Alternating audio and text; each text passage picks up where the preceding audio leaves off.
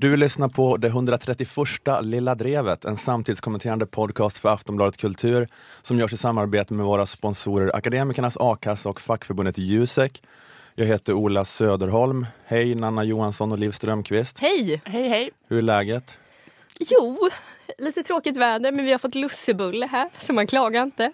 Ja, bra småprat den här veckan. Det var vårt bästa hittills, inte mördande konkurrens. Eh, men ni är här idag för att eh, lyssna på mig när jag lägger ut texten. Du har förvarnat att det blir långt. Ja precis, och ni, men ni ska också prata om eh, Donald Trumps telefonsamtal med Taiwan och Lucia-barnet i Åhléns-reklamen. Precis. Har jag läst i vår Facebook-tråd. Ja, det stämmer. Eh, men jag har då hållit på nu idag och igår att försöka förstå nästa finanskris. Mm. Jag tänker att det är en viktig fråga att ta upp i en samtidskommenterande podcast. Ska det bli en ny finanskris? Ja, det ska det väl. Någon gång i alla fall. Men det, här, det är en liten sån här situation där jag inte har gjort något annat. Så nu måste jag prata om det lilla drevet. Du har varit så intresserad av det här ämnet. Man inser för sent att jag borde inte prata om det här. Jag borde ta något som jag bottnar i istället. Som jag kan göra något roligt och eller intressant av. Men sen är det dags för inspelning. Och jag har inte gjort något annat än att inte bottna i teorier om nästa finanskris. Så då är det det vi får ta. I alla fall, apokalypsen kommer. There's a reason we don't speak Latin in boardrooms, movies, or on the nightly news. It's the same reason India is no longer a British colony, and that the French and Dutch no longer share huge tracts of Africa. In short, it's because empires, all of them, end. I'm writing you now because it's America's turn. Det amerikanska imperiets undergång. Det där var Jim Rickards. Han har lite överdramatiskt tonläge i den här videon. Det är också musiken. Ja, det är mycket musiken där. Hade det varit eh, den där... Du, du, du, du, du, du, du, du. Ja, men jag tänkte på det här då han jag, blir jagad av tanter. Vad heter den tv-serien? Okej, vi släpper det. Ja, men han är lite överdra- ja, det är mycket musiken. Dessa videor han försöker kränga sina böcker. Men Jim Rickards, han är jurist, Eh, finansanalytiker. Han har varit på Wall Street i 35 år eller något sånt där tror jag var. Och han har arbetat mycket som eh, konsult åt amerikanska försvarsmakten. Eh, som expert på valutakrig. Och han har gett ut flera bästsäljande böcker om läget i världsekonomin och det monetära internationella systemet. Nu senast The Road to Ruin. Och man kan säga att han kanske inte anses vara helt okontroversiell, men han, anses, han är absolut ingen foliehatt heller. Eller han är ju uppenbarligen riktigt meriterad. Jag har sett under min Google research att eh, den här på Svenska Dagbladet Ekonomi, den experten Andreas Cervenka, han som alla tycker är ett geni, Ja. han citerar Jim Rickards som en helt vanlig normal vettig källa. Så det måste ju säga något. Det är så här mycket jag bottnar i ämnet. Jag försöker legitimera det med att jag har hört att Cervenka är bra och han tycker att den här människan jag ska prata om nu är hyfsat normal. Eh, Så då har vi eh, etablerat förtroende för det som- som komma skall. Eh, Jim Rickards säger att krisen kommer 2018, Och yikes. fast kanske imorgon. Det är svårt att veta, men han har dragit till med 2018 för att det ska bli lite mera, för att det ska bli snyggt symmetriskt. För att han pratar om krisen 1998, krisen 2008 och så kommer krisen 2018. Det tycker jag liksom drar ner hans trovärdighet. Den här, att han tror Att han jobbar så pedant med sina förutsägelser. han tror på siffermagi. In 1998, Wall Street bailed out a hedge fund. In 2008, the central banks bailed out Wall Street. In 2018, if not sooner, who's going to bail out the central banks? Det var en kris 1998 eh, då den eh, stora hedgefonden Long Term Capital Management gick omkull. Men för att det inte skulle bli spridningseffekter så löstes dess skulder ut av Wall Street då, som man säger. De gjorde en bailout. Wall Street inom citationstecken var ett eh, konsortium av banker och mäklarfirmor som gav fonden ett tillskott på 30 miljarder kronor. Sen 2008, då var ju den stora finanskrisen, den har ni hört, hört talas om. Vad utlöstes den av? Goldman Sachs. en extremt då övervärderad och överbelånad bostadsmarknad i Just. USA. Massa bolån hade beviljats till människor som inte hade någon återbetalningsförmåga. Och så var det det här att de här lånen, man höll på med det här subprime-lån, att lånen eh, ompaketerades i olika obligationspaket som såldes vidare till olika aktörer med då en säkerhet som inte fanns. För säkerheten var ju att den här låntagaren skulle kunna betala tillbaka det eh, i slutändan, vilket de inte kunde. Och eh, det slutade med, med att allt kraschade och det var bankerna som fick ta smällen. Och det bestämdes då att de inte fick gå omkull, bankerna. De var too big to fail. De var tvungna att räddas av USAs centralbank. Eh, så därför skapades det här jättelika räddningspaketet på 700 miljarder dollar av skattebetalarnas pengar som sköts till för att eh, rädda finanssektorn. Men det Jim Rickards säger då är att det här är bara en andningspaus. Den destruktiva energin i systemet är kvar. Den har bara dämts upp. Den kommer brisera igen. Och nu är den då uppe på eh, centralbanksnivån.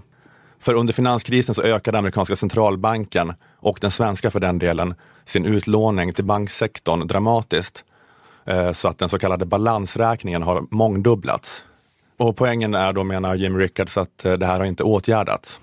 Centralbankerna med amerikanska Fed, Federal Reserve i spetsen, har fortfarande de här dåliga balansräkningarna. The central banks are at the point where they don't have any, they, there's no dry powder. So just again, by way of example, the Fed took their balance sheet from 800 billion to 4.2 trillion, cut interest rates to zero.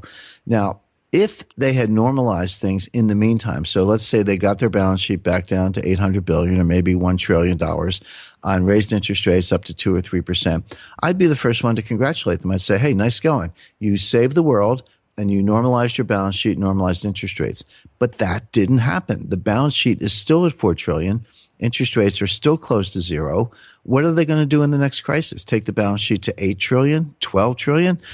They can't do it. There's an invisible confidence boundary. No one knows exactly where it is. You find out the hard way, you cross it, you destroy confidence in the dollar, and, and you look back and say, gee, we went too far. Well, yeah.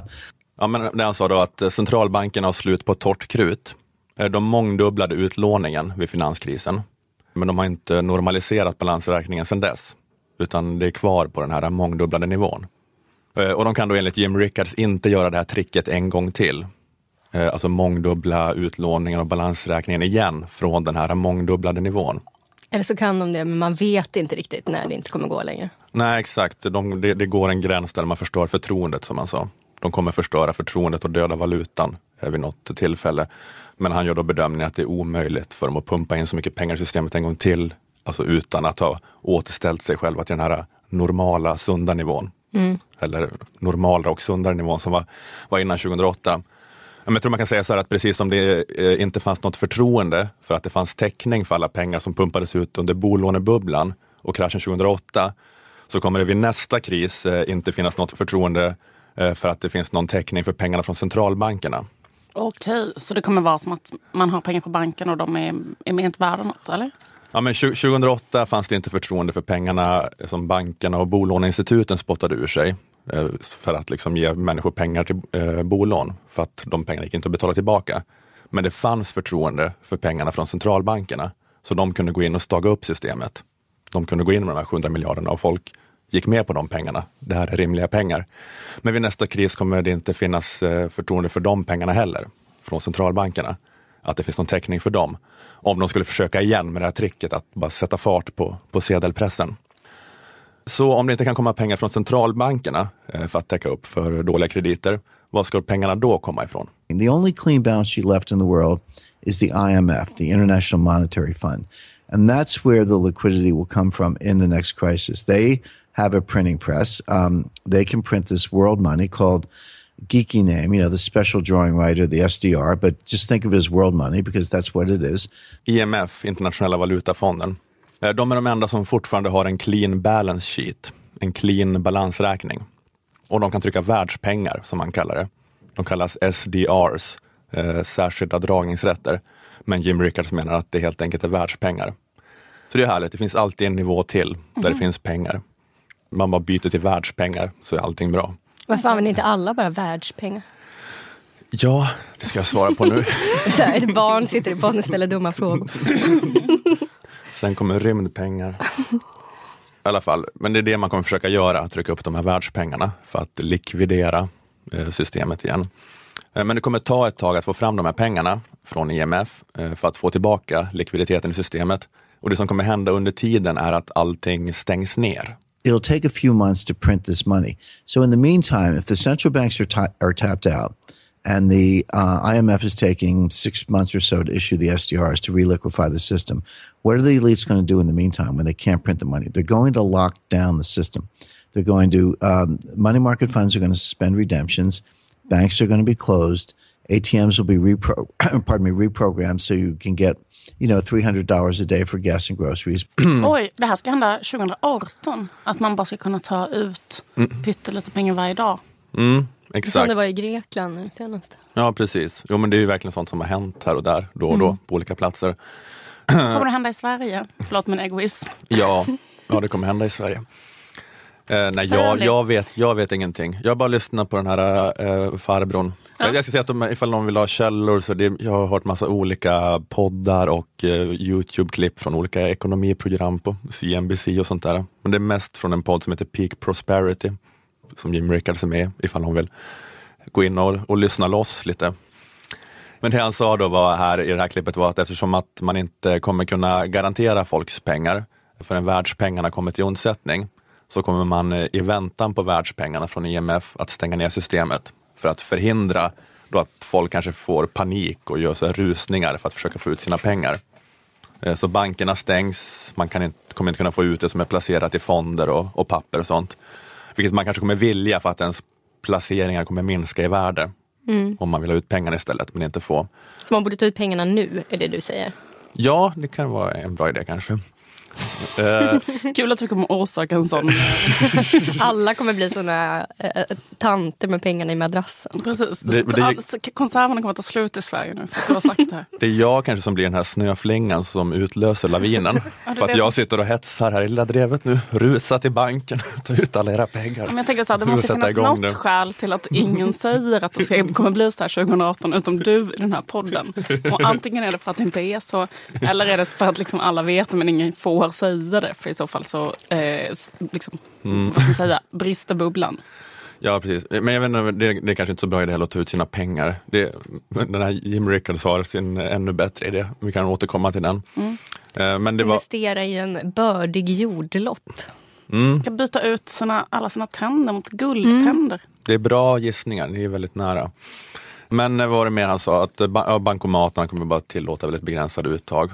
Men om det här händer då, en sån här lockdown, vad kommer det innebära? then the question is where does it go from there? It, it, people might accept it, uh, but it could get worse. It could break out into what I call money riots, and then now you're into more of a neo-fascist scenario where the police are armored up. They look like SEAL Team Six. They'll be deployed to to suppress these money riots. That I'm not saying that will happen, but that's a, a logical extension of the financial lockdown that I'm talking about. Ja, det vore logiskt med pengaupplopp. Arga mobbar mot militariserad polis på gatorna. Låter ju omysigt. Men eh, vad Så ska vi man... ska investera i vapen, är det det du säger? Ja, Jag, sit, jag och Anna sitter och tar anteckningar. Vi hade precis skrivit tänder, guldtänder. tänk allt som har ett evigt värde. Vapen, Kärlek. guld. Här har vi en som inte har förutsättningarna för att överleva i det postapokalyptiska samhället ja, men vad ska man då enligt Jim Rickards göra för att skydda sig? Jo, ha tillgångar utanför det digitala systemet. För vi skyfflas alla in i en digital inhägnad så att vi ska vara redo för slakt när nästa kris kommer. Så att vi ska kunna utsättas för nedstängningen. Våra tillgångar ska utsättas för eh, negativa räntor, eh, utsättas för konfiskering. Så, så vad göra? If you're in this system, you'll be helpless. So, what I recommend for investors is don't be helpless, don't be a victim. Get outside the digital system. That could be gold, silver, fine art, uh, paper cash, land, income producing land, natural resource. There are a lot of ways to do it, um, but um, but you have to have something outside the digital system, or you are completely vulnerable. Jag tänkte faktiskt på om man skulle investera i konst. Vilka otroligt positiva nyheter. Det betyder att när jag sitter och surfa omkring på så här Bukowskis antika juvelsida för, som en antidepressiv eh, Mm. eh, verksamhet som jag brukar göra ibland. Då är det bara jätte, då är det istället, då är inte det Vad din överlevnadsinstinkt. Då är det bara min överlevnadsinstinkt. Då är det, då är det något superkonstruktivt. Att sitta där och ropa in såna ametisthalsband. Jag kommer vara den mest smartaste människan i Sverige om det är liksom vad jag gör hela dagarna. Ingen vet att du är Sveriges smartaste placerare. Eller när du håller på att göra den här glaskonsten på Österlen. Man tror att det är kanske något så här hobbyprojekt. Men det är, det är bara att tälja. tälja pengar. För du menar att är det något som har ett evigt värde så är det glaskonst? är det något som människan aldrig kommer sluta vilja ha så är det som vas. Är det något som aldrig kommer förlora förtroende som bytesvärde i alla mänskliga ekonomier i tusen år så är det, är det glaskonst. På till, Tillverkad i en hytta på Österlen. Eh, intressant hypotes, kan stämma. Ja, ja, men eh, han älskar guld framförallt, Jim Rickards. Det har han skrivit mycket om. Han skrivit en hel bok om, om hur mycket han älskar guld. Eller menar att, det är, att han tror att guld gör en comeback. Eh, Men han säger Jag har redan gjort en comeback. Jag tänker, eller i alla fall för några år sedan när det var alla de här reklamerna om eh, lämna in ditt guld så smälter vi ner det. Mm, ja men visst, det är ganska mycket så att olika länder också hamstrar det till som eh, tillgångar. Han säger just det då att eliten redan är medveten om det här och förbereder sig på det. Att de håller upp en fasad utåt men att de i realiteten så har de börjat förlora tron på systemet. It's one thing when everyday citizens lose confidence in the elites, but what happens when the elites lose confidence in themselves? And that's what I see happening. Um, I happen to live in a, uh, fortunate to live in a fairly wealthy town in uh, Darien, Connecticut. We're next door neighbors with Greenwich. I know a certain number of uh, billionaires. I don't know one hedge fund billionaire who doesn't have a vault with gold. So these guys may be out there whipping and driving the stock market all day long, but they personally are, are going to gold. Ja, han känner ingen hedgefondmäklare som inte har ett kassaskåp med guld. Personal Det kan ha vault. men, märkliga bekantskapskrets. Ja men visst, men han är ju en sån eh, Wall Street-spelare. Men borde inte de bli arga på honom för att han eh, golar om detta? Då? Ja, jag vet inte. Vi får se om han försvinner mystiskt. Men eh, ja, de har guld. Chri- Chris O'Neill har massa guldtackor hemma som han smeker sig själv med. Eller han kanske så här svettas och har panik i blicken över den annalkande kraschen. Samtidigt som han kramar om ett guldmynt så att knogarna vitnar. Men det är kul att exakt den här stöten som Robin Hood gör mot slottet i Kalankas jul går att göra mot svenska kungafamiljen också. De smiter med allt mitt guld. Man kan smyga in i Chris O'Neills sovrum och lyfta försiktigt på kudden. Ta en påse med guldmynt. Men då vaknar Madeleine till med ett öga. Vad nu? Jag tänk- jag Prins Carl Philip ligger bara så här. Det är Carl- Philip som ligger och sover i en vagga vid Chris O'Neills fotända. Vaknar precis när man är på väg ut genom fönstret. Börjar göra ett jäkla liv. Men, ehm, ja, men vad är grejen med guld? So gold used to be money. It's not really money today, except to a few people like me. I think it will be money in the future. Eh, Guld brukade vara pengar. Det är inte pengar idag, förutom för några få som Jim Rickards, men han tror att det kommer bli pengar igen. Det var ju så eh, fram till 1971 så hade vi Bretton Woods-systemet som innebar att dollarn var kopplad till guld, den så kallade guldmyntfoten. Dollarns status som hela världens reservvaluta, den mest pålitliga valutan, valutan alla ville ha, världsvalutan, den garanterades av att dollar kunde växlas in mot guld till ett pris av 35 dollar per uns. Men 1971 lämnade dollarn guldmyntfoten, men den fortsatte vara världsvalutan som alla länder hade i reserv och som alla tyckte var mest pålitlig att handla med. Men bara i kraft av sig själv. Förtroendet byggde inte på att den var kopplad till guld. Eh, och det har funkat ganska länge. Eh, men att vi då har börjat se en förändring nu eh, för att den amerikanska centralbanken har jag menar, inflaterat dollarn för mycket. Och, och det är den här förlorade statusen Eh, för dollar eh, som världsvaluta som kommer innebära slutet för amerikanska imperiet, tror Rickards då. Det som han sa i det här klippet i början. Eh, för pengar handlar om en enda sak, förtroende. Vad är pengar? Det är förtroende. Att alla tror på värdet av guld eller fjädrar eller snäckskal eller dollar eller bitcoin eller vad som helst som har använts som pengar under en eller annan tid under historien. Och från 1870 till 1971 hade världen i 100 år en guldstandard. Först var det att den var kopplat till pundet men sen till dollarn, men det var en guldstandard. Och det var det alla trodde på. Sen har det varit en dollarstandard i typ 30 år som alla har trott på. Eh, men nu finns det inte riktigt någon tydlig standard. Eller vi är på väg in i ett sådant stadium, eh, menar han. Eh, och allt är oroligt och uppe i luften och förtroendet är flyktigt och, och kan rämna. Och Jim Rickards trodde att guldet kommer göra en comeback. Att det, och dels att det aldrig riktigt har försvunnit, att alla länder fortfarande har stora tillgångar i guld. Kina samlat på sig stora lager av guld de senaste åren. Att de kanske, kanske kommer att knyta sin valuta till en guldmyntfot för att göra yuanen till den nya världsvalutan som alla litar på och alla ska våga handla med. Sen är det också det att Kina är rädda för att USA liksom ska, alltså USA är ju skyldiga Kina enormt mycket pengar. Enormt stor skuld i dollar. Så ifall de håller på och inflaterar med hjälp av inflation kan de göra den här skulden, får den att försvinna. Att eh, deras fordringar till USA blir mindre och mindre värda. Så det är ju Kina orolig över. Eh, Men då skyddar man sig med guldet, för då kommer ju guldet, priset på guld i dollar kommer ju gå i taket ifall dollarn eh, utsätts för mycket inflation. Så att, eh, därför samlar de på sig det. Eh, I alla fall, eh, Jim Rickards tror inte att det kommer funka med IMFs eh, världspengar. Eh, De kommer inte återställa förtroendet i systemet, för de skiljer sig inte från dollars eller euros eller kronor eller något. Det är fiat money, heter det. Fiat-pengar. Och det, alltså det betyder bara pengar som har ett värde på grund av att den institutionen som ger ut dem säger att de har ett värde. Så det är egentligen som alla pengar är nästan idag. De är inte kopplade till någon myntfot. Ja, problemet är då att förtroendet för institutionen, för vårt världsimperium finns inte kvar riktigt. But it's just it's fiat money. It's IMF is a printing press. It's no different than dollars or euros. They might be able to pull it off. My own view is that people will look at it and say, you know, all these we've lost confidence in these other kinds of fiat money. This is just one more fiat money. We have no confidence in this either. Where's the gold? Var är guldet? Var är guldet? Kommer alla skrika. Just det, så Rickards föreslår alltså att man nu direkt, innan nästa finanskris, placerar sina tillgångar i guld. För guldet kommer att ha kvar sitt värde sen när vi reser oss ur askan efter det gamla imperiet och sätter oss ner för att förhandla de nya spelreglerna. Eh, Det nya internationella monetära systemet. Men olika värdepapper och elektroniska pengar kommer inte ha kvar det värdet. Så priset på guld kommer i kronor eller dollar så kommer det tiodubblas, eller om det var femtiodubblas. Otroligt var det i alla fall, vad det kommer gå i taket. Eh, kanske då... Jag fattar inte att du berättar det här. Om du, du har tagit reda på den här informationen. Blir arg nu. Varför sa du inte det bara, bara till mig och Nanna?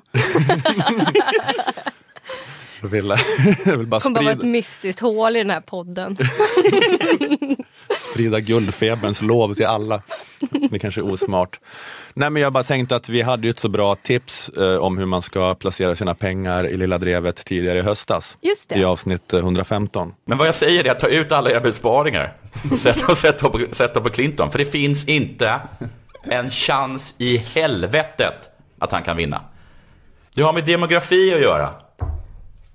Look at the numbers. Så nu kommer alltså ett tips till från Lilla Drevet. Ta ut alla era besparingar och köp guld! Det finns inte en chans i helvetet att priset på det inte kommer minst tiodubblas. Meddelande från Lilla Drevet. Nej, men det, det här gör jag ju också nu lite grann som en upprättelse för den här moderatpolitiken. Det var det jag ville komma fram till. Som varit den stora driftkucken i sociala medier senaste dygnet. Jag har inte, jag har inte sociala medier höll jag på att säga. Nej men jag inte, berätta. Ja, Snälla. Han har förskingrat eh, 48 miljoner kronor eh, från fastighetsföretaget eh, han jobbade på. Och sen har han blivit lurad på de pengarna Oj, som han tog från dem. Det här är ju summor som människor, eh, vanliga människor bara vågar drömma om. Som, som, du, som du då anklagas för att ha tagit dig rätten till. Ja, ja, ja, men de, de pengarna har jag inte kvar hos mig. Utan de har jag ju... De, de har ju... Jag i min tur kanske blivit lurad på. Så säger Sten Heinso, som är tidigare ekonomichef på fastighetsjätten Einar Mattsson i en telefonintervju till Expressen. Heinso misstänks på sannolika skäl ha förskingrat närmare 50 miljoner kronor från koncernens ägarfamilj. Motivet ska enligt 70-åringen själv ha varit att finansiera transporten av 200 kilo afrikanskt guld som en kvinna ska ha tipsat honom om. Anna-Lena Tapper på polisens nationella bedrägericentrum beskriver det som ett solklart tillvägagångssätt för hur ett Nigeria-brev ska gå till. Okej, Men nu får- nu, övertyg, alltså, nu övertygade du mig. Fan vad obehagligt. Att det är en rusning efter guld. Ja. Nu förstår man ju honom. Han hade fått ett hett tips av en kvinna om 200 kilo guld i Uganda. Han hade till och med fått se bilder på det som hon hade skickat. Hon behövde bara lite hjälp med att frakta det till Sverige. Och är det verkligen han som är tokig? Vi måste hoppa på guldtåget allihopa nu. För att skydda oss själva och våra familjer. Visst, man kanske går på en och annan mina. Men de där 50 millarna han tog från sitt företag, de är ju ändå i princip värdelösa snart. Om de inte omvandlas till guld. Så det är ändå ingen större förlust. Han tog ingenting, förvandlade till ingenting. Ingen skada skedd. Jag tog i alla fall chansen. Ja, tänk om det här Nigeria-brevet hade varit på riktigt. Jag tänker att man måste vara så himla listig ändå, ändå för att kunna liksom förskingra 50 miljoner. Men ändå så olistig. så man blir lurad av ett sånt mejl. Han har sån där, vad heter det när folk är sådär um, Selektivt. selektivt begåvade. Mm. Han är jättedålig som um, Människokännare. människokännare. En fruktansvärt intelligent uh, försnillare. Men, men godtrogen som ett barn. Ja, men det låter nästan lite fishy det här tycker jag. Att det, man undrar ifall det är något annat. Ifall det här bara är en svephistoria att jag gick på ett Nigeria-brev. Det är det kanske. De där pengarna ligger nu i guldtackor nedgrävda. Det är ju kanske inte så härlig lögn att berätta om sig själv. Jag gick på ett Nigeria-brev och förlorade 50 miljoner. Men det känns som, alltså 50 miljoner också, är det så mycket? Alltså, hur fan kan man skicka iväg 50 miljoner? alltså, till en kvinna ja, i Nigeria Eller- som har skickat en mejl till den. ja, men jag tänker att så mycket kan inte, alltså Nigeria-brev, jag vet inte hur de är, men de, det, kan inte, det måste ju vara en jävla jackpot för dem att lyckas dra 50 miljoner ur en, ur en gubbe. Alltså, det är vem fan har 50 miljoner? Jag vet inte. Det låter lite konstigt. um, detta om guld. Hoppas ni har lärt er någonting. Men bra tips.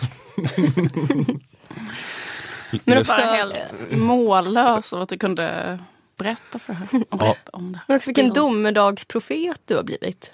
Ja, men det har ju varit hela tiden. Ja, kanske. Ja, men det har varit liksom faktiskt extra Ja. nu på sista tiden. Först var det här klimathotet. Det saknas bara typ Alltså- ett, ett virus som ska slå ut mänskligt. Ja, just det. Antibiotikaresistenta bakterier blir det Kanske nästa, nästa, vecka. Ja. inledning. Nej men jag, eh, som sagt, jag, jag vet inte så mycket om uh, sånt här, men eh, han är väl, eh, det, det är ju en teori det här. Men jag, jag vågar inte, jag, jag vill inte ta på mig ansvar för att ni byter alla era tillgångar mot guld. Vill jag säga till våra lyssnare. Jag vill gärna höra om varför han har fel också. Jag är superglad eh, för att det är så här. Det ger mig en ursäkt att bara behandla guldsaker. Just det, det är bra för alla tjejer. det, här, är- det här ekonomiska paradigmet. Det är bra för alla som är, alla är ju inte guldtypen. Vissa är ju mer så silver, eh, silversmyckespersoner. Men det är ganska bra för oss som klär guld. Det finns ju, Men det- det måste också vara ädelstenar, inte bara guld. Det är också diamanter och Ja, men jag tror att guld bara har någon särskild status som pengar. Att det har varit det mest genom historien. Att det är ganska mycket fortfarande att... Menar, han skrev någonstans om hur mycket fördelar guld har. Att det, det är alltid rent, det är alltid exakt likadant. känns Och det används inte liksom i, som en, eh, i tillverkning så mycket förutom i smycken. Då, att det bara är det det är och folk har förtroende för det som något slags evigt värde. Du är bra sensationsjournalistik, Lilla Drevet. i alla fall. Det är hela tiden där. Apokalypsen kommer! Det är en bra etta. Du är som en sån som går runt i byn och ringer en liten bjällra. Mm. Det är så himla, det känns så himla dumt eh, det här eh, att gå på en sån här eh, apokalyps, guldapokalyps. Eller det är verkligen att man kommer känna sig som en sån idiot om man har köpt massa guld. Då står man där 2025 med allt sitt guld. Det har inte hänt någonting. Det kommer inte så bra ut. Fast jag tror han sa att man ska bara investera en tiondel av sitt kapital i guld. Det ska man göra som en liten säkerhet. Precis. 200 kronor. Ja, precis, för att det är det som att hans målgrupp är ju såna bara alltså finansspekulanter. Så att, eh, ja. Vill du köra? Eller? Det spelar ingen roll.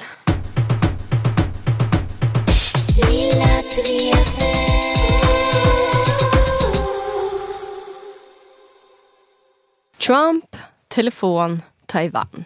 Ni vet vilken nyhet jag menar. Donald Trump har ju varit i blåsväder efter att ha tagit emot ett eh, lyckönskningssamtal från eh, Taiwans ledare Tsai Ing-wen.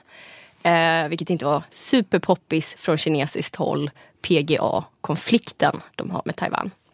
I korta drag, Kina ser Taiwan som en icke-befriad problemzon eh, och Taiwan å sin sida gör anspråk på att vara Kinas sanna regering. Det är en väldigt infekterad konflikt där majoriteten av världens länder valt att vara team Kina. Säkert inte alls av ekonomiska intressen utan för att man tycker att Kina är en sån hyvens prick. Och en grej som krävs för att få vara BFF med Kina det är att man erkänner den så kallade ett Kina-politiken. Alltså att Kina bara har en riktig regering. Eh, vilket USA och de allra flesta länder utom några i Sydamerika har gjort. Eh, USA får, som jag förstått, till viss del handla med Taiwan men de får inte ha några officiella gemytliga förbindelser. Det är okej att sälja vapen till Taiwan men det är inte okej att skicka ett julkort. Tumregeln är, har ni trevligt ihop så är det haram. Mhm. Men det är att båda kallar sig själva Kina. Båda kallar sig själva Kina. Eh, Taiwans eh, ledning styrde ju också Kina fram till 49. Och sen så störtades de som jag förstår och flydde till Taiwan. Men för att då få, få handla med, eller få ha förbindelse med liksom fastlandskina så måste man då säga, eller låtsas typ som att Taiwan inte finns. Um, frysa ut dem i alla eh, sammankomster och sådär. De får till exempel inte vara med i FN har jag förstått. Men eh, den här regeln om att eh, inte ha trevligt med Taiwan eh, har ju Trump nu brutit mot genom att ha det här väldigt mysiga lyckönskningssamtalet med Tsai Ing-wen. Eh, man kan ju tycka att av allt han har sagt och gjort så känns det som det minst konstiga att småprata med en annan president. Vad hette presidenten? Tsai Ing-wen. Han är ingen vän. Hon. Hon. Alltså jag, jag, Hon tänk, jag tänkte inte- faktiskt på det där så tänkte jag nej men ingen kommer väl säga det. Det var ju lågt hängande You went frukt. for it. Vänt- Ja, Det var... man får försöka. Men det är precis, man får inte ha henne som sin vän. Nej. Det är en minnesregel, i nam- Minnesregel. i namnet, hon är ingen vän Mm, till dig. För då får inte du köpa billiga grejer från Kina. Nej, precis. Men som sagt, eh, av allt han har sagt och gjort så är väl det här kanske det minst konstiga kan man tycka. Men det har ju ändå blivit en jättestor världsnyhet eftersom det nu eh, riskerar att fucka upp med eh, Kina. Så varför tog han då emot det här telefonsamtalet? Eh, det har kommit uppgifter om att det hela var planerat som någon sorts manöver för att sätta press på Kina. Före detta senatorn Bob Dole har också gått ut och sagt att han jobbar för Taiwans sak och har haft då, eh, inflytande på Trump. Men tills jag läste de här förklaringarna så var jag helt övertygad om en annan förklaring. Och det är att Trump helt enkelt inte kunde låta bli att svara i telefon när det ringde. För väldigt många män födda runt 50-talet så är det helt otänkbart att inte svara i telefon. Källa empiri. Eh, vi kan ta min pappa till exempel. Så här är det att vara hos min pappa. Jag sitter och berättar om något jag varit med om. Kanske en superjobbig separation som jag precis gått igenom. Pappa lyssnar och säger mm och mhm. Tired of ads barging into your favorite news podcasts? Good news. Ad-free listening is available on Amazon Music for all the music plus top podcasts included with your Prime membership. Stay up to date on everything newsworthy by downloading the Amazon Music app for free or go to amazon.com slash news ad free. That's amazon.com slash news ad free to catch up on the latest episodes without the ads. mm på rätt ställen. Men då plötsligt så ringer hans telefon. Och istället för att klicka bort samtalet som vår, eh, folk i vår generation lite taktfullt skulle göra så kastar sig pappa över telefonen. Ja men tjenare snodden! Det var inte igår. Hur är det med Maj-Lis? Och så vidare. Medan jag sitter där snällt väntar på att de ska avrunda samtalet med ett jag ringer upp dig senare eller vad som helst. Men det kommer inte. Kanske tio minuter senare har snodden behagat lägga på. Pappa är kontaktbar igen. Jag fortsätter berätta det här oerhört ledsamma om min separation. Då ringer det igen. Hallå älgen! Det var inte igår. Hur är det med Ulla-Britt då? Och så vidare. Och innan jag har fått berätta färdigt min oerhört smärtsamma anekdot så har pappa tagit emot kanske två samtal till. Varav ett är med en telefonförsäljare som han ändå pratar i typ tre minuter med. Ett Eh, härligt eh, socialt liv han verkar ha. Ja, han har ett mycket mer rikt socialt liv än vad jag har. Det är som att han lever i en pilsnerfilm från 40-talet Ja, med snodden. Och men det är ju också, barnde- jag han är kanske också barndetektiv. skulle ha ett sånt här rikt liv, eller socialt liv om Jag bara svarade i telefon. Det slog mig Jag faktiskt att kan det vara att han har ett så rikt socialt liv för att de vet att det här är en människa jag kan ringa klockan tre på natten och han kommer alltid Men jag att tror finnas de där. är likadana för de är också den generationen. Man svarar i eh, telefon. Eh, medan vi vet ju att så här, inget säger att man måste svara i telefon bara för att det ringer. Eh, tvärtom så är det inte alls läge att svara alla gånger. Och man kan ringa upp senare, man kan ta det på sms. Det här är ju sånt som vår generation vet. Men det vet inte min pappa och hans jämnåriga. Eller han kanske vet det på samma sätt som man vet att man inte behöver ha kött i varje måltid. Men det är liksom inget han någonsin skulle testa. För han kan inte motstå impulsen att ta upp en ringande telefon. Jag tror du har rätt. Ja, men det är sant, jag svarar nästan aldrig i telefon. Men ja, jag, förstår vad du menar. Men jag kan se Trump framför mig inte kunna inte svara i telefon. Alltså att han känns också som en sån person som inte riktigt kan eh, Alltså inte kunna hålla fingrarna i styr. på något sätt. Det skulle liksom rycka som en kobra. Det här kan man ju se hos många eh, äldre män på tåg och sånt. Eh, när det kanske inte passar att ta så här ett superhögt samtal. Det struntar de i. Förutom att de också har superhöga telefonsignaler som bara penetrerar trumhinnan. Så pratar de också superhögt. Man hör allt om Bulten och Bultens jobb och fru och eventuella testikelcancer. Men en sak man aldrig ser eller hör män födda runt 50-talet göra det är att bara klicka bort samtalet. Eller lite lågmält säga du det passar inte nu, kan jag inte ringa upp dig lite senare. Så Det var så eh, jag tänkte att det hade gått till. Att Trumps rådgivare stod där och vädjade till honom att han inte skulle ta samtalet eftersom det kan fucka upp år av diplomatiskt arbete. Men allt Trump kunde höra var en ringande telefon. Ja men tjenare Taiwan, det var inte igår och så vidare. Efter att eh, Trump hade pratat med Tsai Ing-wen så eh, twittrade han The president of Taiwan, eh, och nu kommer stora bokstäver, called me, slut på stora bokstäver, to wish me congratulations on winning the presidency. Eh, och det här tolkade alla som att han menade, she called me, att eftersom det var Tsai Ing-wen som ringde upp så har han då ryggen fri. Ja, Eh, men ja. jag tolkade det mer som, she called me, som i telefonen ringde. Vad skulle jag göra då? Inte svara eller? Det är lite så starkt jag tänker att den här svara i telefondriften är hos män födda runt 1950. Att det liksom kan påverka världspolitiken. Men nu verkar ju det här samtalet ha varit planerat då av eh, folk som Bob Dole. Men han, han skrev det där She called me som en försvarslinje för att så här, förklara Ja. sig. Mm. Fast sen så, sen så började han också liksom, eh, skriva hetsiga tweets om, om eh, Kina och så. Men jag kan också känna att så här, det skulle kunna vara så att det bara är en efterhandskonstruktion för att mörka eh, då hans eh, gubbimpuls att svara i telefon. Att aldrig låta en telefonsignal ringa ut. Men det kan ju inte vara så på den nivån att folk, att någon ringer någon. Det måste väl ändå vara något som planeras. Eller så här. Men i min fantasi så bara ringer Ja, telefonen. just det. Alla blir helt lamslagna. Men det är, eh, ja, men det, ja, det, men det är intressant då att den här bilden utav Trump som eh, den här eh, starke mannen i tider utav kris och oro som folk tyr sig till att, eh, eller att du kanske bekräftar den lite grann för att du bara tänkte pappa, pappi. Nej, men jag tänkte det här liksom hans generation. Ja, Alltså den sortens... Uh, Trump är född 46, min pappa är född 50. Att det, det är någonting med den liksom, generationen. Men ifall det är det folk kanske känner då att, eh, alltså, att, man, att det är i hela det kollektiva undermedvetna. Mm. Att alla känner så här, eh, man ser på honom att han är en sån som bara svarar i telefon. För han kan inte låta bli och det är pappa och det känns tryggt. Jag vill bara krypa upp i hans famn. Men- Och det var därför han vann. Förlåt, inte krypa upp i hans famn då kanske men jag, vill, jag vill sitta på golvet framför honom och bygga med lego medan han sitter i en gungstol och, och läser Svenska Dagbladet. Det här var inte en del av min spaning.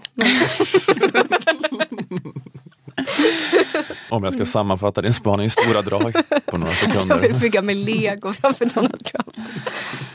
Det som hände kanske var att Ivanka satt och berättade något jättehemskt som har hänt henne. Mm. Satt och grät. Så Donald bara, hur ska jag komma ihåg detta? Ta vad som helst. Men det är också kul att tänka liksom alla gånger Taiwan har ringt och liksom ingen har plockat upp luren. Men man har också inga svårigheter att se liksom Obama bara sitta helt superlugnt och vänta ut en ringande telefon. Ja, men, ja, men, men jag tror också att eh, Obama har mer av en trycka bort ett samtal-aura. Ja, Han har det i sig. jag tror han är mycket mer liksom som våra generationer. Alltså att man är så här, nästan tvärtom. Man vill inte prata i telefon. Man skickar tillbaka en, en, sån där, ett sånt där jättestor tumme upp. Är inte det, det. den mest eh, liksom... Rubrikerna. Donald Trump skickade en superglad tummen upp-emoji till Taiwan. Alltså, det, det sån- kommer sån förfrågan bara, kan ni, liksom, kan ni erkänna vår suveränitet? Kan ni liksom sluta krypa för Kina? Bara svara tummen upp. Så, vad ska det här betyda Obama? Det var inget tillfredsställande svar på vår eh, diplom, diplomatiska framstöt. Han känns inte som en smile eller emoji-person heller.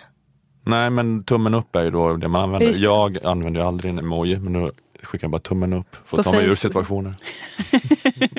men, det, är- men det är en sån, eh, men det, är- det är bra, eh, jag tycker det är bra inringad, eh, in, att ringa in ett karaktärsdrag på det här viset. Att det är som den här eh, klassiska grejen, eh, man ska rösta på den som man helst vill ta en öl med.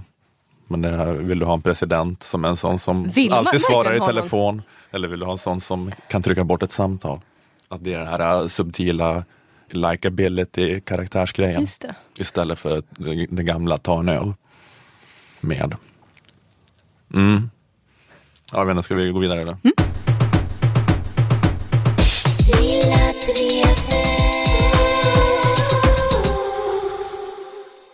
Vi har kommit fram till den delen av Lilla Drevet där vi berättar om våra sponsorer, Akademikernas A-kassa och fackförbundet Jusek. Alla ni som kämpar där ute i prekariatet, det är viktigt att ni organiserar er och tar del av de här trygghetssystemen som finns. Både för er egen skull, men också av solidaritet med alla andra arbetskraftförsäljare i det här landet. Akademikernas a-kassa är för dig som är eller är på väg att bli akademiker. Medlemskap kostar nästan inget, bara 100 kronor i månaden. Och då kan du få 80 procent av din lön upp till 25 000 kronor om du skulle hamna mellan jobb. Du behöver vara med i fackförbundet Jusek om du arbetar inom en Jusek-bransch. Och det är alltså inte bara juristernas förbund som många tror, eh, utan det är också fackförbundet för dig som är samhällsvetare, ekonom, kommunikatör eller arbetar inom HR och IT. Som Jusek-medlem får du en kraftigt förbättrad inkomstförsäkring. Du skyddar upp till 80 000 kronor. Ni får alltså 80% av lönen upp till 80 papp. Hur mycket det är guld. Kan man få ut smaka sig guld istället? Om man har liksom blivit medlem via Lilla Drevet. Eh, facket handlar om mer än inkomstförsäkring. Bland annat så erbjuder Jusek tjänsten karriärrådgivning. Som medlem i Jusek har du tillgång till kostnadsfri karriärrådgivning via telefon. De vanligaste frågorna handlar om vägval i yrkeslivet. Jag känner inte att jag utvecklas här, men var ska jag ta vägen istället? Jag har gjort X och Y. Vilka möjligheter finns för mig? Jag är trött på min nuvarande bransch. Vad gör jag nu? Du får prata med någon som kan din arbetsmarknad och ge dig raka svar. När Jusek frågar de som har använt karriärrådgivningen eh, vad de fick ut av det, är det vanligaste svaret nya perspektiv. Och jag vet inte vad ni tycker Nanna och Liv, men nya perspektiv är i alla fall bland det bästa jag vet. Det är ofta bättre än gamla perspektiv. Gamla perspektiv kan dra åt helvete jämfört med nya perspektiv. Så ehm, vill du bli chef, vill du byta bransch, vill du fortbilda dig och bli specialist, vill du börja plugga, starta eget eller växla ner och fokusera mer på dig själv och familjen. Oavsett vilket har du nytta av ditt medlemskap i Jusek. Eh, Att vara med i Jusek och Akademikernas kostar 351 kronor. Du lägger alltså bara till 251 kronor om du redan är a-kassemedlem. Eh, Läs mer på akademikernas.se och jusek.se. Tack! Tack så mycket. Tack.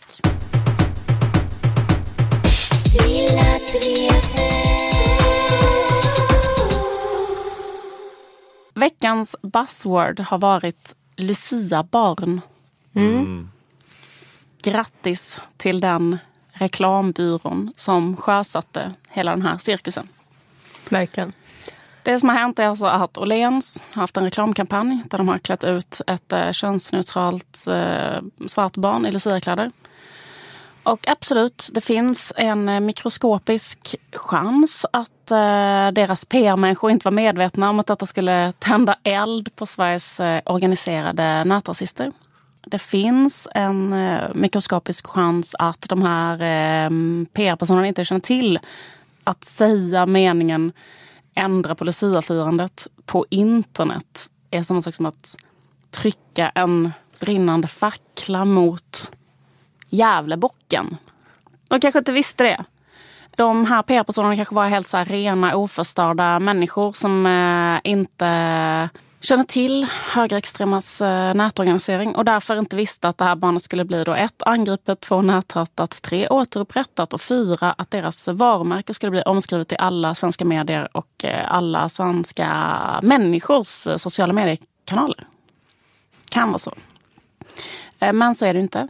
Utan eh, det är ju så att den här PR-byrån och Åhléns ägare just nu bara ligger och rullar sig i en sån hög med pengar. En guldfot. De bara ligger just nu och juckar mot en sån bergskedja av guldmynt. Av ädelstenar som de har köpt. Under tiden som folket då går bärsärk utanför dörren.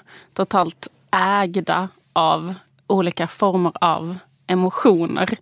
Gråter, blir fruktansvärt arga, kramas, drabbas av julstämning. Eh, Skriv en krönika. Eh, Grips av en känsla av att undergången är här. Skapa en hashtag. Ta selfies med ett gravallvarligt budskap. Alla bara snurras runt i en sån här liksom torktumlare av känslor. Och sen när vi alla ramlar ut på andra sidan så har vi bara en enda tanke kvar i hjärnan. Och det är att Åhléns är garanten för att bevara mänskliga rättigheter i Sverige. Ja, det är det det landar i kanske. Så om jag vill att det ska finnas kvar mänskliga rättigheter i Sverige, då måste jag handla någonting där. En plastljusstake. Några fruktansvärt fula servettringar med ett tomtemotiv. En ironiskt kitschig julgranskula i form av en hamburgare. skulle jag vilja ha. Måste köpa det. Mm, bra. Well played, Åhléns. Bara... I have a dream of a kitschig hamburgerkula. Den kulan, Nanna, kommer inte gå att sälja sen. Nej. Apocalypse. Jag är så himla dålig på att hamstra grejer. Bjuder in er till mitt skjul med bara olika kitschigt bråte.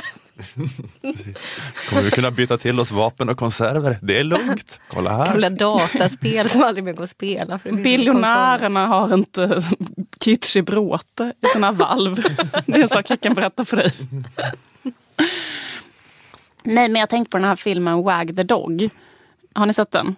Ja, för Nej, länge sedan. Um, Den är så här att eh, USAs presi- filmen är så här att USAs president har varit inblandad i en sexskandal. Och sen blir den avslöjad typ två veckor innan valet. Och då är Robert De Niro en sån politisk spinndoktor som får i uppdrag att så här, eh, distrahera USAs befolkning från, så, från det här så att de liksom ändå ska rösta på honom. Och då gör han det genom att fejka ett krig i Albanien. Då klär han till exempel ut Kirsten Dunst till en sån jättevacker albansk bondflicka. För att liksom få sympati. Att de kanske är rädda, USA har räddat henne, whatever. Så. Han tvingar Willie Nelson att skriva en sån amerikansk folksång om en sån tapper soldat hit och dit. Och exakt, exakt så tänker jag mig att eh, hela den här Åhléns-grejen har gått till. Att Åhléns ledning har kallat till ett krismöte som var så här, alla våra varuhus är fullproppade med vidrigt fula julsaker. Vad ska vi göra? Det ligger drivor av helt vidriga saker i plast på våra hyllor. Eh, som vi måste sälja. Och då kallar de till ett krismöte med några sådana luggslitna PR-genier som kanske är så här motvilligt går med på att komma. Eh, de kanske till och med har slutat i branschen för gott och så vidare. Men de liksom Man åker och samlar upp Just dem och det, de håller de på. gamla rävarna. De precis som har börjat ett nytt liv. Så här, någon står och En Eh, sitter och- bara på sin eh, veranda så. Eh, en håller på med biodling.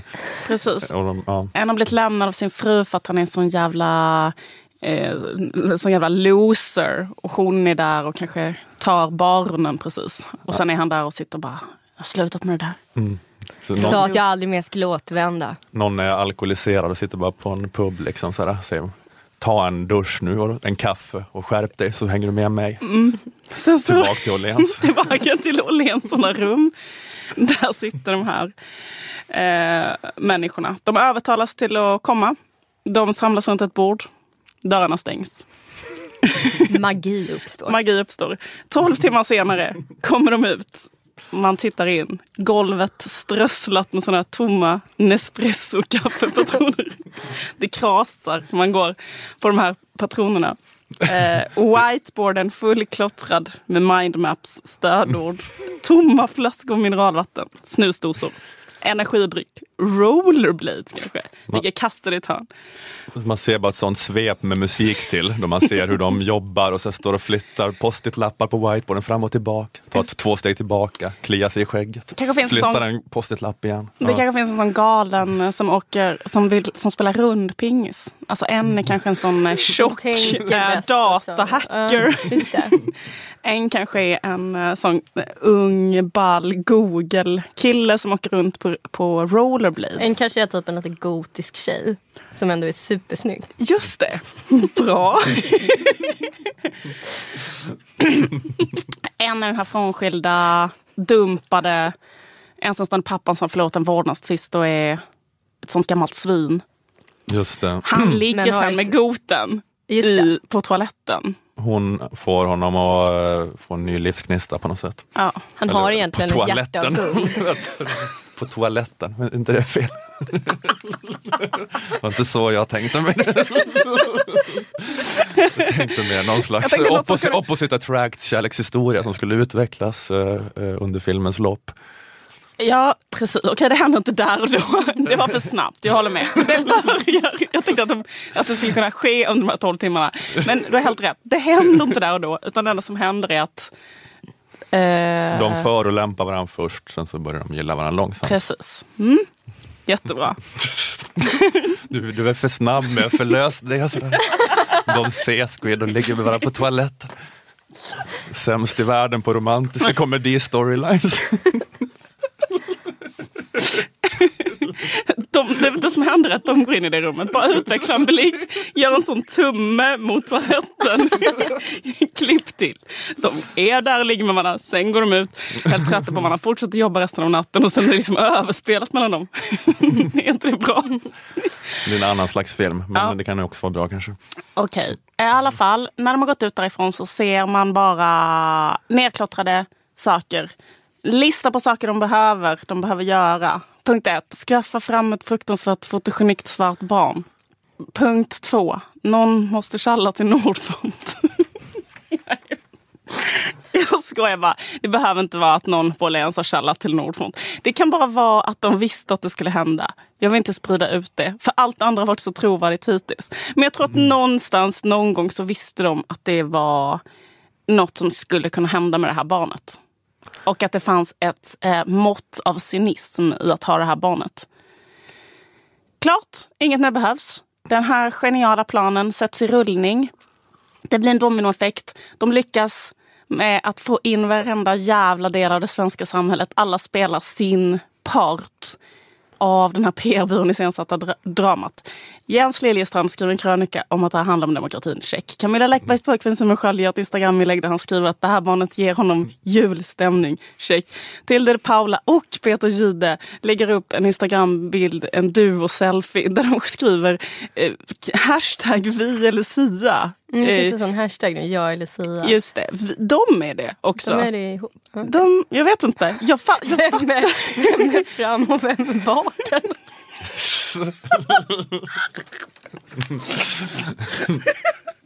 Du menar att de skulle vara en i huvudet och en i... Kamel på en maskerad. Eller, eller menar du så att de står på, alltså det är som dvärgarna i Kalankas jul. Att de, så här, att de öpp, öpp, att, att, att Jihde kan öppna liksom Lucia-klänning och titta ut med ansiktet från magen. Så står till eller Paula på axlarna. Jag tänker så här, någon som har varit... Tänker någon som har varit så här... Sen nyser. Till det Paula nyser. Kommer det uppstår. Nej men det är svårt att... Ja, precis som man tänker sig att någon har varit borta på sociala medier i två dagar och sen bara tittar igenom sitt Instagramflöde. Vad är det som har hänt? Ska försöka gissa vad det är som har hänt? Jo, det som har hänt är att Peter Gide och Tilde de Paula har gjort en hashtag där det står Vi Lucia. Vad är det som har hänt? Det är svårt att rulla tillbaka trådarna till vad förstå. Ja, så är det ofta med sociala medier, att man kommer in i något när det har varit åtta varv fram och tillbaka. Så man har ingen aning om vad Ja, fan precis. det var som hände från början. Man fattar liksom inte så här, är det nu att Tilde de Paula slåss för sin rätt att vara Lucia? Att hon inte... Nej, Skit i allt detta.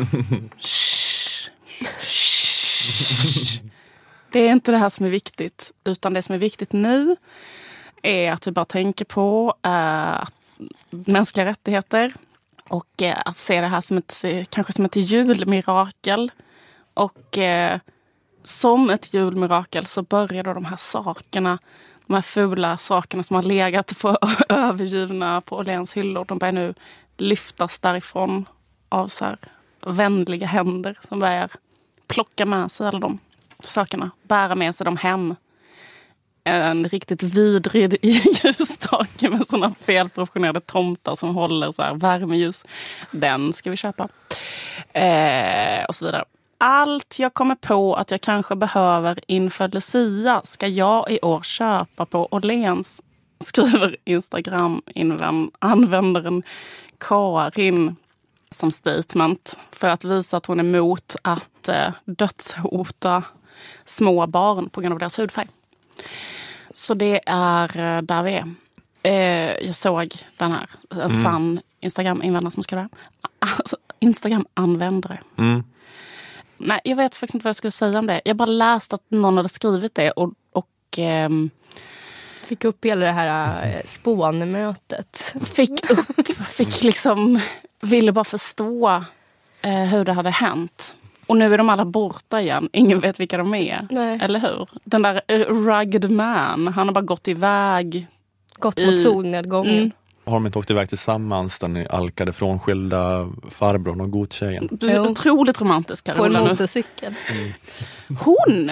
eh, De, han trodde så här, han trodde att de skulle gå iväg. Att bara, så här, de står så här, bara sparkar lite i gruset och säger så här, well, I guess this, this is goodbye then. Och sånt. Sen så börjar han gå. Då går hon såklart och tar sin motorcykel och en stor vända och bara hej!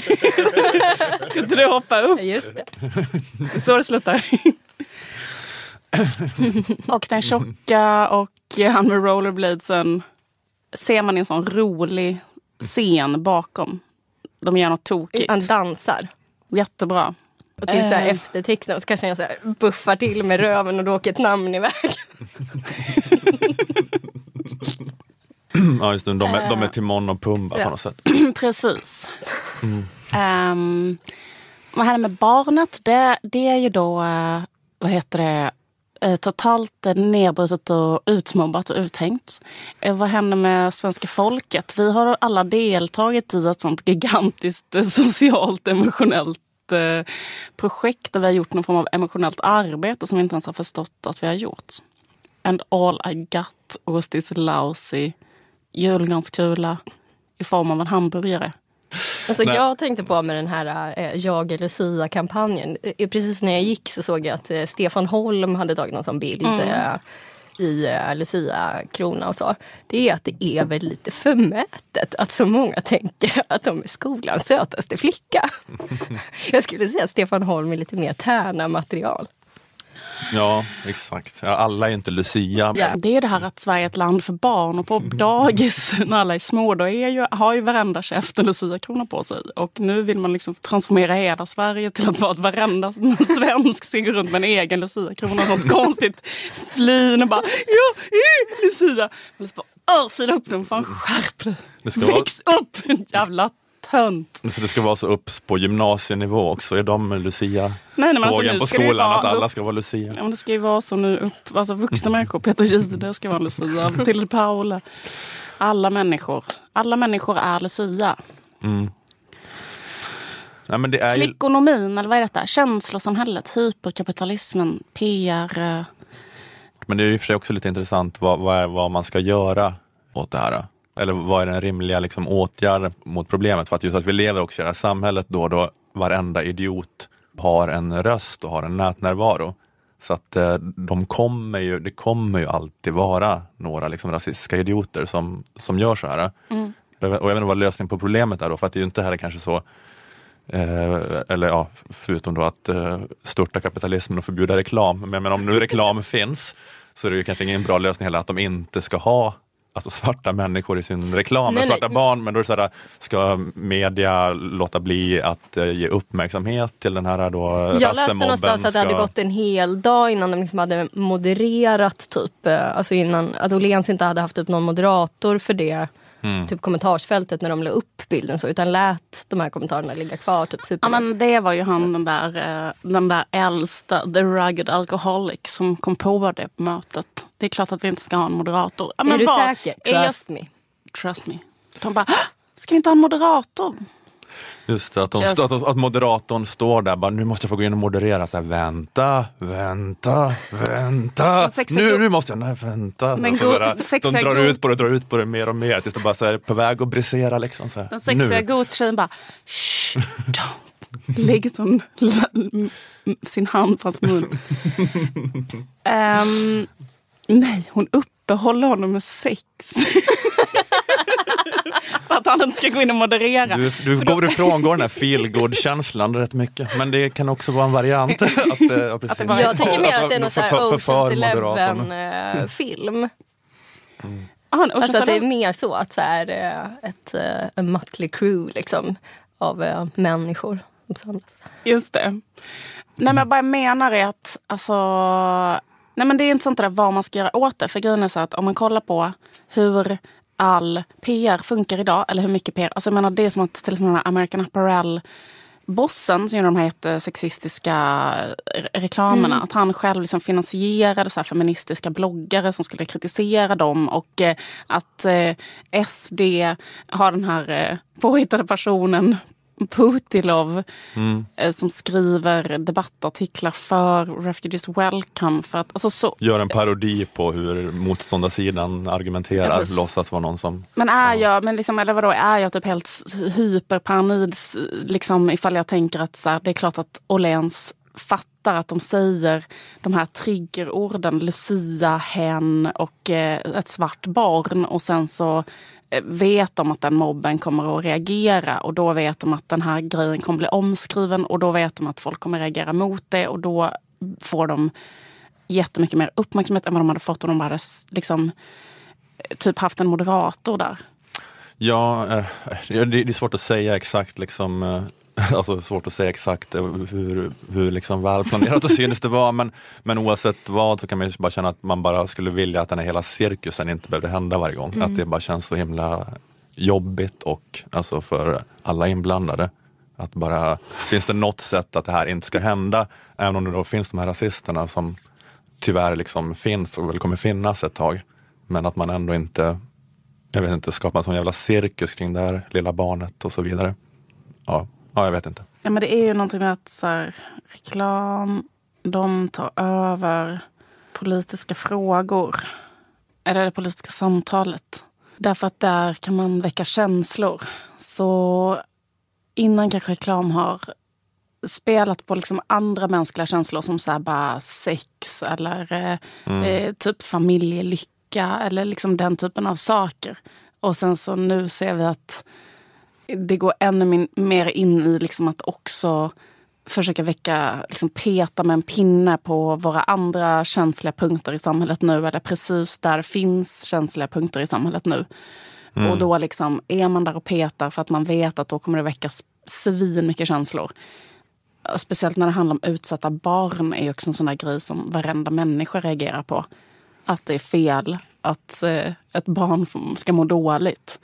Och ehm, jag bara, eller jag bara, jag vet inte riktigt så här. Det, det är bara liksom, jag bara tycker att det känns som ett sånt... Eh, Ja, men det är, det är som den här grejen att man, om man säger om reklam, att reklam skapar egentligen inte nya känslor hos oss. De skapar verkligen inte nya känslor av ha-begär, utan det handlar mer om att de spelar på känslor vi redan har och bara kopplar dem till Till vad, de, vad, de försöker, vad de försöker sälja och till Ja. varumärken. Att det är den, man får den här känslan av ett varumärke, då, kärlek, gemenskap eller något. Och, eller nu ska vi få vara med Ja. känslan eh, typ mänskliga rättigheter eller antirasism. Ja, eller precis, det- progressiv godhet eller något sånt där i, i relation till det här varumärket. Ja, det måste ju alltid expandera, att kolonis- kolonisera nya områden och eh, det är ju en sån då stark känsla i kulturen nu som man kan kolonisera med, med varumärken. Men det finns ingenting vi kan göra åt det. Nej, nu har vi förlorat här. Suttit och gafflat om det i 20 minuter. Exakt, förlorat stort genom att vara den sista domen och brickan som faller. Nämligen att sitta och kritisera hela fenomenet i Lilla Drevet på en sån sur metanivå. Nu checkar den här, det här gänget av den sista, den sista grejen som skulle hända. Nu är det champagnekorken, precis. När de hörde det här. Nu kommer hon åka med motorcykeln. De står fortfarande kvar och väntar. De var inte klara. De hade en sån ruta. Så här, Liv Strömquist kritiserar alltihopa på en meter. Nivå. Den är så jävla ägd. De står, de står vid den landsvägen med liksom en smartphone och lyssnar med så här varsin lur i varsitt öra bara på senaste lilla drevet. Så här. Ja, sista spiken i kistan. På väg till den här guldreserven dit de ska åka. Kolla in om förrådet är tillräckligt stort. Vill vill någon av er säga någonting eller så? Jag och Jonathan ska streama på fredag. Mm? Tummen upp. Förfest-stream. Vad innebär det? Att Att vi eh, spelar och filmar oss själva när vi spelar. Man kan kolla på det live. wow, vad kul. Vad ska ni spela för något? Vet inte än. Kanske Hearthstone. Ja, vi säger väl bara vi säger tack så mycket till Malmö musikstudio för att vi fick vara här och spela in. Och ehm, tack Aftonbladet Kultur, tack Akademikernas A-kassa, tack fackförbundet Jusek. Jag heter Ola Söderholm, ni heter Liv Strömquist och Nanna Johansson. Det här var veckans avsnitt av Lilla Drevet. Vi hörs igen nästa vecka. Hej då! Hej hej!